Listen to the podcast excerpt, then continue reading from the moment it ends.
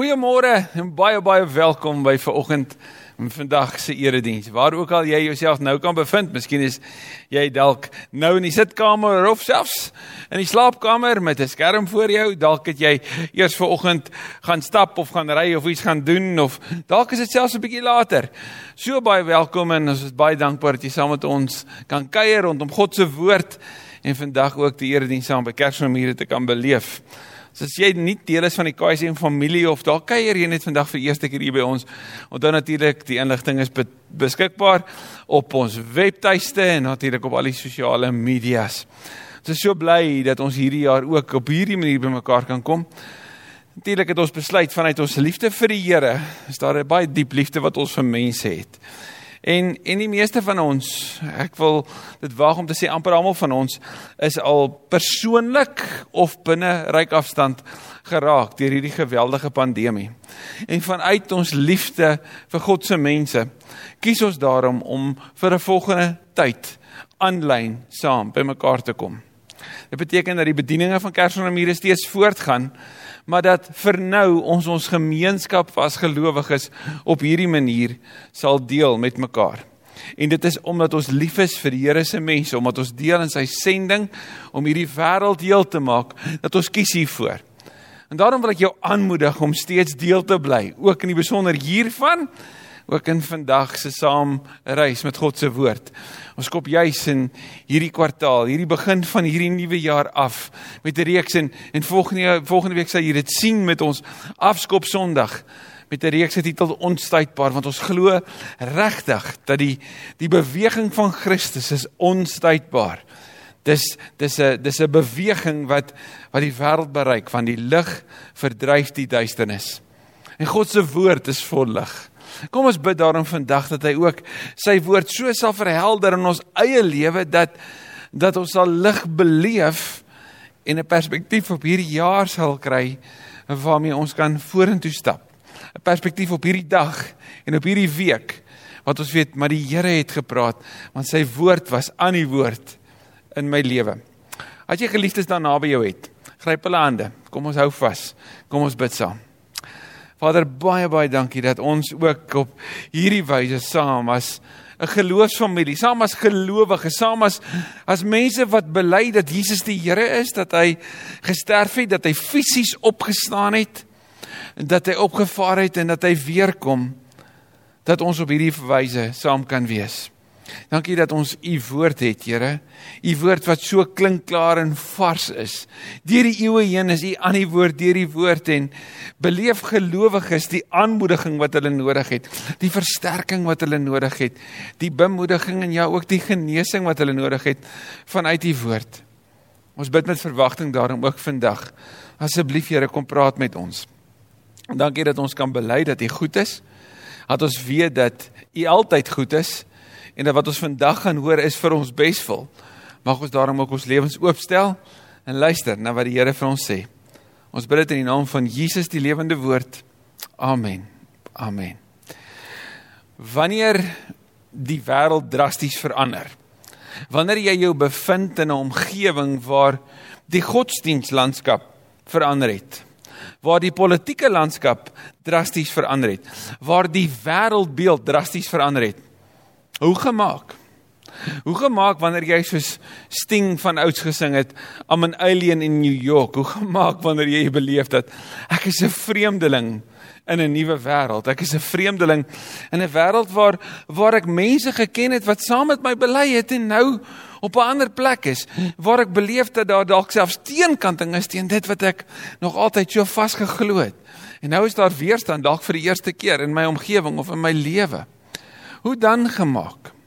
Wel dan draai ons en gaan ons altyd terug na God se woord en beleef ons hoe klink klaar helder die woord van die Here steeds is. Hoe ons beleef dat dat God se woord is tydloos, dis vars en dis nuut. En ons begin vandag ook sommer dadelik by die eerste boek in die Bybel. En as jy saam met my dalk wil lees, anders kan jy dit op die skerm volg of dalk op jou foon. Ons gaan kyk na die verhaal van Josef en jy's dan uit Genesis hoofstuk 39 en hoofstuk 40 en ons sal dan eindig met 'n kort oorsig oor die res. Genesis 39 in die begin lees ons vers 1. Josef is na Egipte toe gebring. Dis nou natuurlik nadat sy boeties hom eers in die put gegooi het en hom toe verkoop het. Josef die dromer, soos Andrew Lloyd Webber gesê het met die Technicolor Dreamcoat. Hy's na Egipte toe gebring. Potifar, amptenaar van die farao en hoof van die leiwag, Egiptenaar van geboorte, het vir Josef by die Ismaelite gekoop en hom Egipte toe gevat. Die Here was by Josef en dit het baie goed gegaan met hom. Hy het in die huis van sy eienaar, die Egiptenaar gebly. Toe Potifar, Josef se eienaar, sien dat die Here by Josef is en dat die Here alles wat Josef aanpak laat slaag, was Potifar hom goedgesind. Hy het Potifar se persoonlike slaaf geword en Potifar het hom aangestel oor sy hele huishouding en al sy besittings is onder Josef se sorg geplaas. Van toe af het die Here die huis van die Egiptenaar geseën. Dit was oor Josef dat die Here dit gedoen het. Die seën van die Here het gerus op al Potifar se besittings, die in sy huis en die in die veld. Hy het alles aan Josef oorgelaat en hom aan niks gesteer nie behalwe aan sy kos. Josef was frisgebou en mooi. Na sy bevordering in sy eienaar se huis, het die vrou na Josef gekyk en vir hom gesê: "Kom slaap by my." Maar hy wou nie. En hy het vir sy eienaar se vrou gesê: "Meneer steur hom aan niks van wat ek hier is nie. Wat hy besit, het hy onder my sorg geplaas. Daar is niemand wat in hierdie huis meer gesag het as ek nie. Meneer het niks van my teruggehou nie, behalwe vir u, want u is sy vrou. Hoe kan ek so 'n verkeerde ding doen?" Ek sal mos teen God sondig. En dan ken jy die verhaal verder. Josef vind hom in 'n vreemde wêreld waar die kultuur verander het, waar die godsdiens verander het, waar die wêreldbeeld verander het. Verwyderd van sy land, verwyderd van sy familie, verwyderd van die plek waar hy Jahwe, die Here, saam met sy mense kan aanbid as 'n enkeling hier in Egipte bevind ons vir Josef in 'n situasie waar hy steeds aan die dien is want jy sien jy kan die hand hart van 'n dienaar nie stop nie. En hy sê aan die dien en en soos wat hy dien en toewyding aan die Here en aan toewyding aan aan die man aan wie hy nou behoort, wie se besitting hy as dit ware is, bly hy getrou aan die Here en seën die Here hom en daarom die werk van sy hande en daarom die huis van hierdie Egiptiese leier. So vreemd dat die Here se seën so op Josef rus dat dit uiteindelik ook 'n seën is vir sy omgewing, nie waar nie? En dat Potifar die seën wat op Josef rus in sy eie lewe beleef. En mense dink hoe mooi is dit nie? Die verhaal eindig pragtig. Josef het hierdie droom gehad en en toe lyk dit of daar 'n krisis is en Josef is verwyderd en kyk nou net. Josef word bevorder. Dit gaan goed. Kom ons sit 'n mooi strukkie om. Pragtig. Maar dis nie waar dit eindig nie, nê? Nee? In hierdie vreemde wêreld sien ons dat die hand van God steeds sterker as die hand van 'n mens. Maar daar stye wanneer die hand van 'n mens jou lewe so beïnvloed en so raak dat dit jouself in twyfel kan laat bring. Dat dit jou lewe radikaal verander want sien Josef verloor sy tweede kleed. Nie net die kleed voordat hy in die put gegooi word nie maar ook hierdie kleed, die kleed wat hy aangetree het toe toe Potifar se vrou vir hom sê kom slaap by my en hy vir haar sê nee. My lojaliteit teenoor die Here is my groter as selfs die die mag wat ek het om om jou in my arms te neem.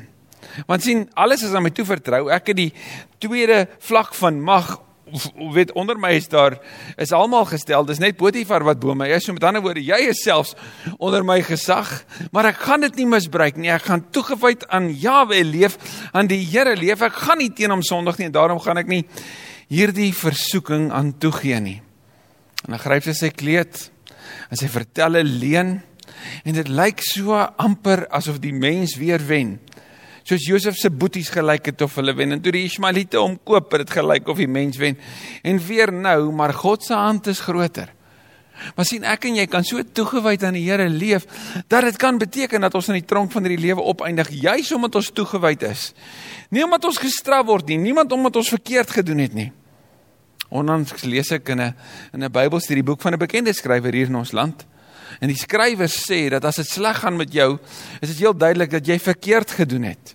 Want dit is mos so dat as jy goed doen, dan sal die Here jou seën en as jy verkeerd doen, dan sal jy gestraf word. Dis die teorie van Job se vriende. Maar dis nie die volle boodskap van die Bybel nie. Want as Josef se getrouheid aan aan die Here wat hom hier in die moeilikheid bring. En daar in die tronk is hy steeds die een wat dien. Want hy word as dienskneg aangestel en wanneer die skinker en die bakker hom by hom aansluit en 'n moeilike droom, nê, 'n droom wat hulle ontstel, dan kies Josef daar in Genesis 40 om nie net sy fisiese gawes van diensbaarheid nie, maar ook sy genadegawes van diensbaarheid te gebruik en vir hulle die droom uit te lê. En dis hierdie vlak van diensbaarheid, hierdie gesindheid wat vir Josef uiteindelik weer by 'n nuwe vlak van verantwoordelikheid bring. Waar daar later vertel word, maar ek weet van van 'n man daar uit Israel wat drome kan uitlê. En ons ken dan die die verhaal van Josef en die belangrike vir jou en my is om te sien dat God sy kinders in hulle situasie raak sien. Dat God by Josef binne in die tronk in die diepste gat in die vallei van sy lewe, dat God by hom is. En dat selfs daar in die Here dit wat vir Josef na absolute chaos kan lyk, ten goeie kan laat meebring in die tronk van die Egiptiese regerder in die in die teenwoordigheid van 'n van 'n wêreld waar afgode aanbid word waar mense 'n vreemde taal praat waar alles vreemd voel sê die Here ek is by jou. Ek gaan jou seën tot seën van ander. Sien ek en jy het nodig om dit te weet. Of dit nou in die ICU van 'n van 'n COVID saal is en of dit langs 'n sportveld is of dit in 'n raadsaal is of in 'n ry by 'n supermark is of dit in 'n besige verkeersknoop is asof dit net is daar waar jy nou sit. Die Here is by jou. En wanneer die Here by jou is het ek jy niks te vrees nie. Wanneer die Here by jou is dan dan weet ek en jy hy laat alles ten goeie meewerk. Sy wil is vir my beswil en is nooit dat dit net oor my gaan nie maar dit gaan oor sy werk in hierdie wêreld want wanneer die Here vir Josef seën dan is dit nie oor Josef se storie nie. As jy toe Josef sy eerste droom gehad het, kon hy nooit voorsien dat dit wat met hom gebeur het in sy lewe dat dit sou gebeur nie. Ek en jy kry 'n droom en ons dink ons het die presiese planne en dan draai die storie, dan verander die hoofstuk, dan verander ons perspektief en ons kan so maklik teleurgestel word. Ons kan so maklik dink, wel die die Here is nie meer by my nie. Ons begin praat so amper half asof ons weet dat ons glo maar maar ons leef asof ons dit nie doen nie. En Josef moes ontdek maar die Here is by my. En vanuit Josef se wysheid seën die Here ook Egipte en word Egipte uiteindelik 'n seën vir sy mense. Word dit 'n plek van redding vir sy eie persoonlike familie, maar dit eindig nie daar nie sien as ek en jy van hoofstuk 41 tot 50 lees en en ek wil wil vinnig vooruitspring en dit kan goed wees vir jou om hierdie verhaal stadig en die tyd wat voor lê net weer deur te werk. As jy nou in hoofstuk 50 dat Josef by 'n plek kom waar hy vir hulle wat hom leed aangedoen het, die volgende sê, sy eie familie. Hy sê julle het bedoel om my leed aan te doen, maar God het bedoel om daarmee iets goeds te doen sien Josef het beleef dat in 'n nuwe wêreld waar alles drasties verander het, het God gesê dis tyd vir 'n restart. Dis tyd vir 'n weer begin. Josef het dit beleef in Potifar se huis aanvanklik. Hy het dit beleef in die tronk. Hy het dit beleef daarna en hy het dit ook beleef in sy verhouding met sy familie. Toe hy vir sy broers kon sê maar julle is vergewe. Toe hy vir sy pa kon huil kliphard kon huil dat hulle hom kon hoor. Dis tyd vir 'n restart. Wanneer ek en jou belewenis dalk in hierdie wêreld is, dit het nou skielik verander. Dit het nou onveilig dalk op plekke geword of onbekend. Selfs die maskers wat nou vir my amper meer bekend geword het, herinner my dat die wêreld reeds en steeds verander het en ek voel dalk soos 'n vreemdeling. Dit is tyd vir 'n restart. Die Here is besig daarmee. Ons sing so gereeld, breek my hart vir wat U sin breek. En as dit waar is, wel dan sien ek dit nou dat daai lied wat ons so sing, dat dit waar word in ons lewens want ons harte breek al hoe meer wanneer dit naby gekom, nê. Nee. dit tuis gekom. Dit het in ons lywe kom vat. As jy dit nie self al gehad het nie, dan ken jy iemand. En van ons het al baie keer moes huil omdat ons geliefdes aan die dood afgestaan het juis vanweë hierdie pandemie. En dis nie net die pandemie nie, ander dinge gebeur ook. Tragedies gebeur. En dis in daai tyd wanneer die situasie verander dat die Here sê maar ek het nie opgehou nie. Ek skryf steeds my storie. Maar miskien sê jy vandag sê ek is dalk nie op Josef se plek nie. Ek het nie so getrou aan die Here geleef nie. Ek het nie so naby aan hom geleef nie. Inteendeel, toe toe dit so word dat ek net aanlyn betrokke hoef te gewees het, het ek nie net betrokke gebly nie, ek het as dit ware afwesig geraak. Ek het minder gekyk, minder gelees, minder geluister. Ek het vergeet dat die Here 'n roeping het vir sy kerk om in hierdie wêreld lig te wees, om sout te wees, om genesing te bring, om die evangelie te deel. Ek het meer oor myself gemaak ek het meer begin dink oor my gemak en hoe kan ek voorsien vir vir my mense en net daarom sorg dat ons ten minste die pandemie oorleef of ten minste aan die ander kant uitkom. En dan word dit nog meer ongemaklik en, en op 'n manier dan kom ons by 'n plek soos hierdie en ons sê Here, as jy begin van 'n nuwe jaar, is daar nog plek vir my? Is daar nog plek vir my eie restart? As vir jou goeie nuus want daar's talle karakters in hierdie Bybel wat vanuit die donkerste plek in hulle eie lewe kom beleef dat die Here sê is tyd vir 'n restart. As ek dink aan 'n paar Maria Magdalena met haar donker verlede. Dink aan 'n 'n Ragab, die prostituut. Dink aan iemand soos 'n Ester wat daar in die vreemde tyd beleef en en sy moet hoor miskien vir 'n tyd soos hierdie. Dink aan 'n Saulus wat op pad is om gelowiges seer te maak en die Here sê is tyd vir 'n restart. 'n Petrus wat drie maal gesê het nee, ek ken hom nie. 'n Dawid wat gaan rondloop het op die dak van die paleis wie se wel is vir 'n mooi vrou gelei het tot moord. Nathan sê vir hom: "Jy en daaruit kry ons Psalm 51, een van die mooiste psalms van 'n opregte, berouvolle belydenis." Dis tyd vir 'n restart. Jona wat weghardloop van sy roeping af en uiteindelik via die die heerlike vervoer van 'n walvis uitgespoel word by Ninive. Dis tyd vir 'n restart. Dis nie so vir jou en my dat ons vandag moet hoor dat die Here sê dis tyd vir 'n restart nie.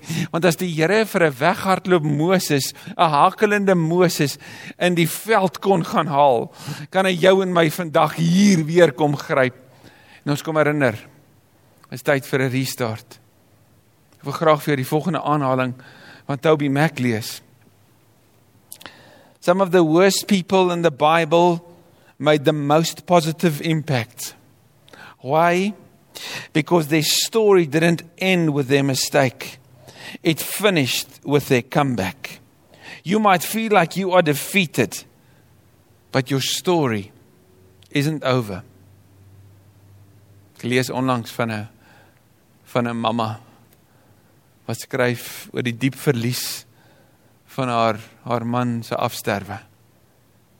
6 maande later in hulle storie beleef sy die pyn nog steeds asof dit gister of vandag gebeur het.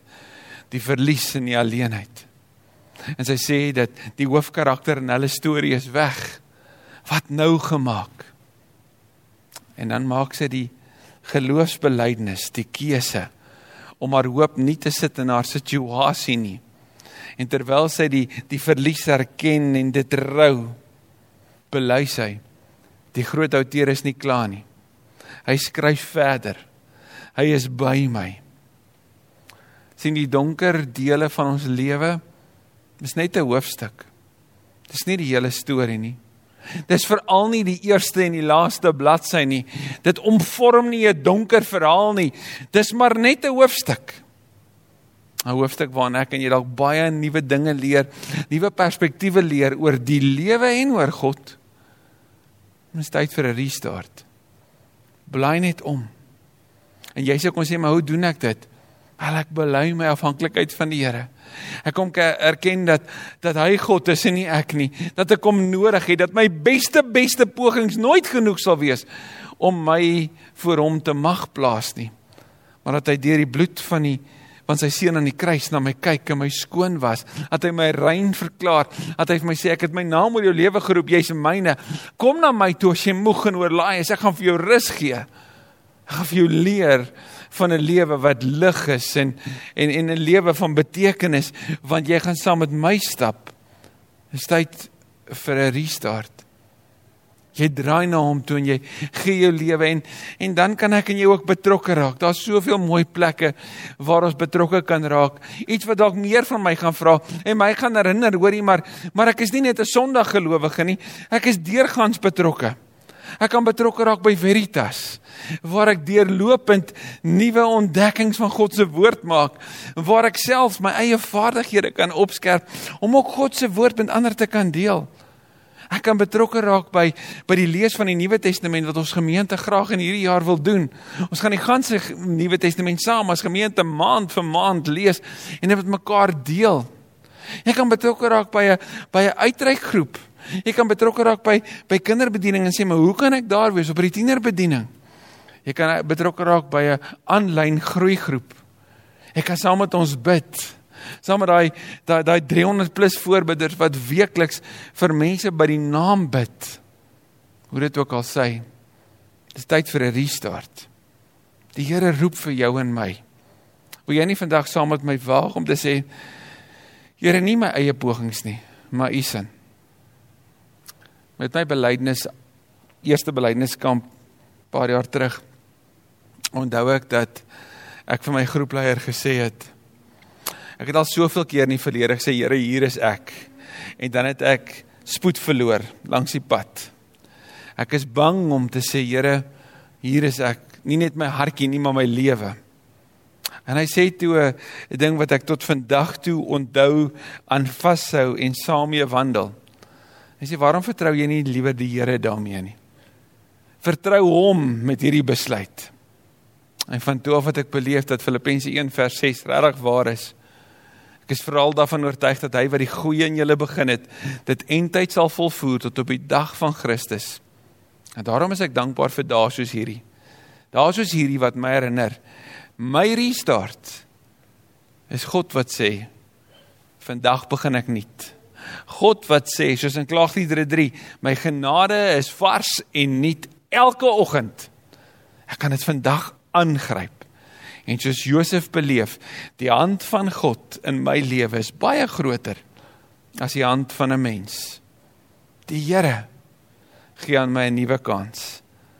'n Kans van vandag, 'n kans van nou. Amen. Vader baie dankie. So baie baie dankie dat ons vandag bakkant voor U kan kom staan. Bakkant Here omdat ons niks het om te bring nie. Lee hande Here om te ontvang wat U vanuit genade vir ons wil gee sodat ons dit ook vanuit genade weer kan gaan aangee. Ek bid dat U vir die van ons wat op hierdie oomblik sê, Here my omstandighede het so vreemd geword. So anders, so ongemaklik dat U sal vrede bring vrede wat alle verstand te bowe gaan. Die van ons wat vanoggend huil, ten diepste huil want want ek het so lank gebid en dit het, het toe nie gebeur nie. Ek het so vasgehou, ek het so probeer om alles te doen wat ek kon en toe gebeur nie wat ek gedink het nie. Wil wil U nie kom asseblief Here en met U wonderlike troos kom vashou. Trane kom af hier en soos wat U by Lazarus se graf saamgehuil het vandag net kom saam huil, saam wees nie. En die van ons Here wat sê ek weet ek is een van daai wat wat begin en dan terugval, dan weer begin en weer terugval en ek is al so gefrustreerd daarmee. Ek is by tye so moedeloos want want want ek ek voel of ek myself nie kan vertrou nie. Mag ons asseblief vandag die waagmoed hê om te sê ek plaas nie meer my vertroue in my nie. Nie in my vermoëns nie maar in die Here wat sê ek wat die goeie in jou begin, ek sal dit klaar maak. Dankie Here vir genade wat vars en nuut elke oggend is. Aan U alle lof en alle eer in Jesus se naam. Amen. Amen.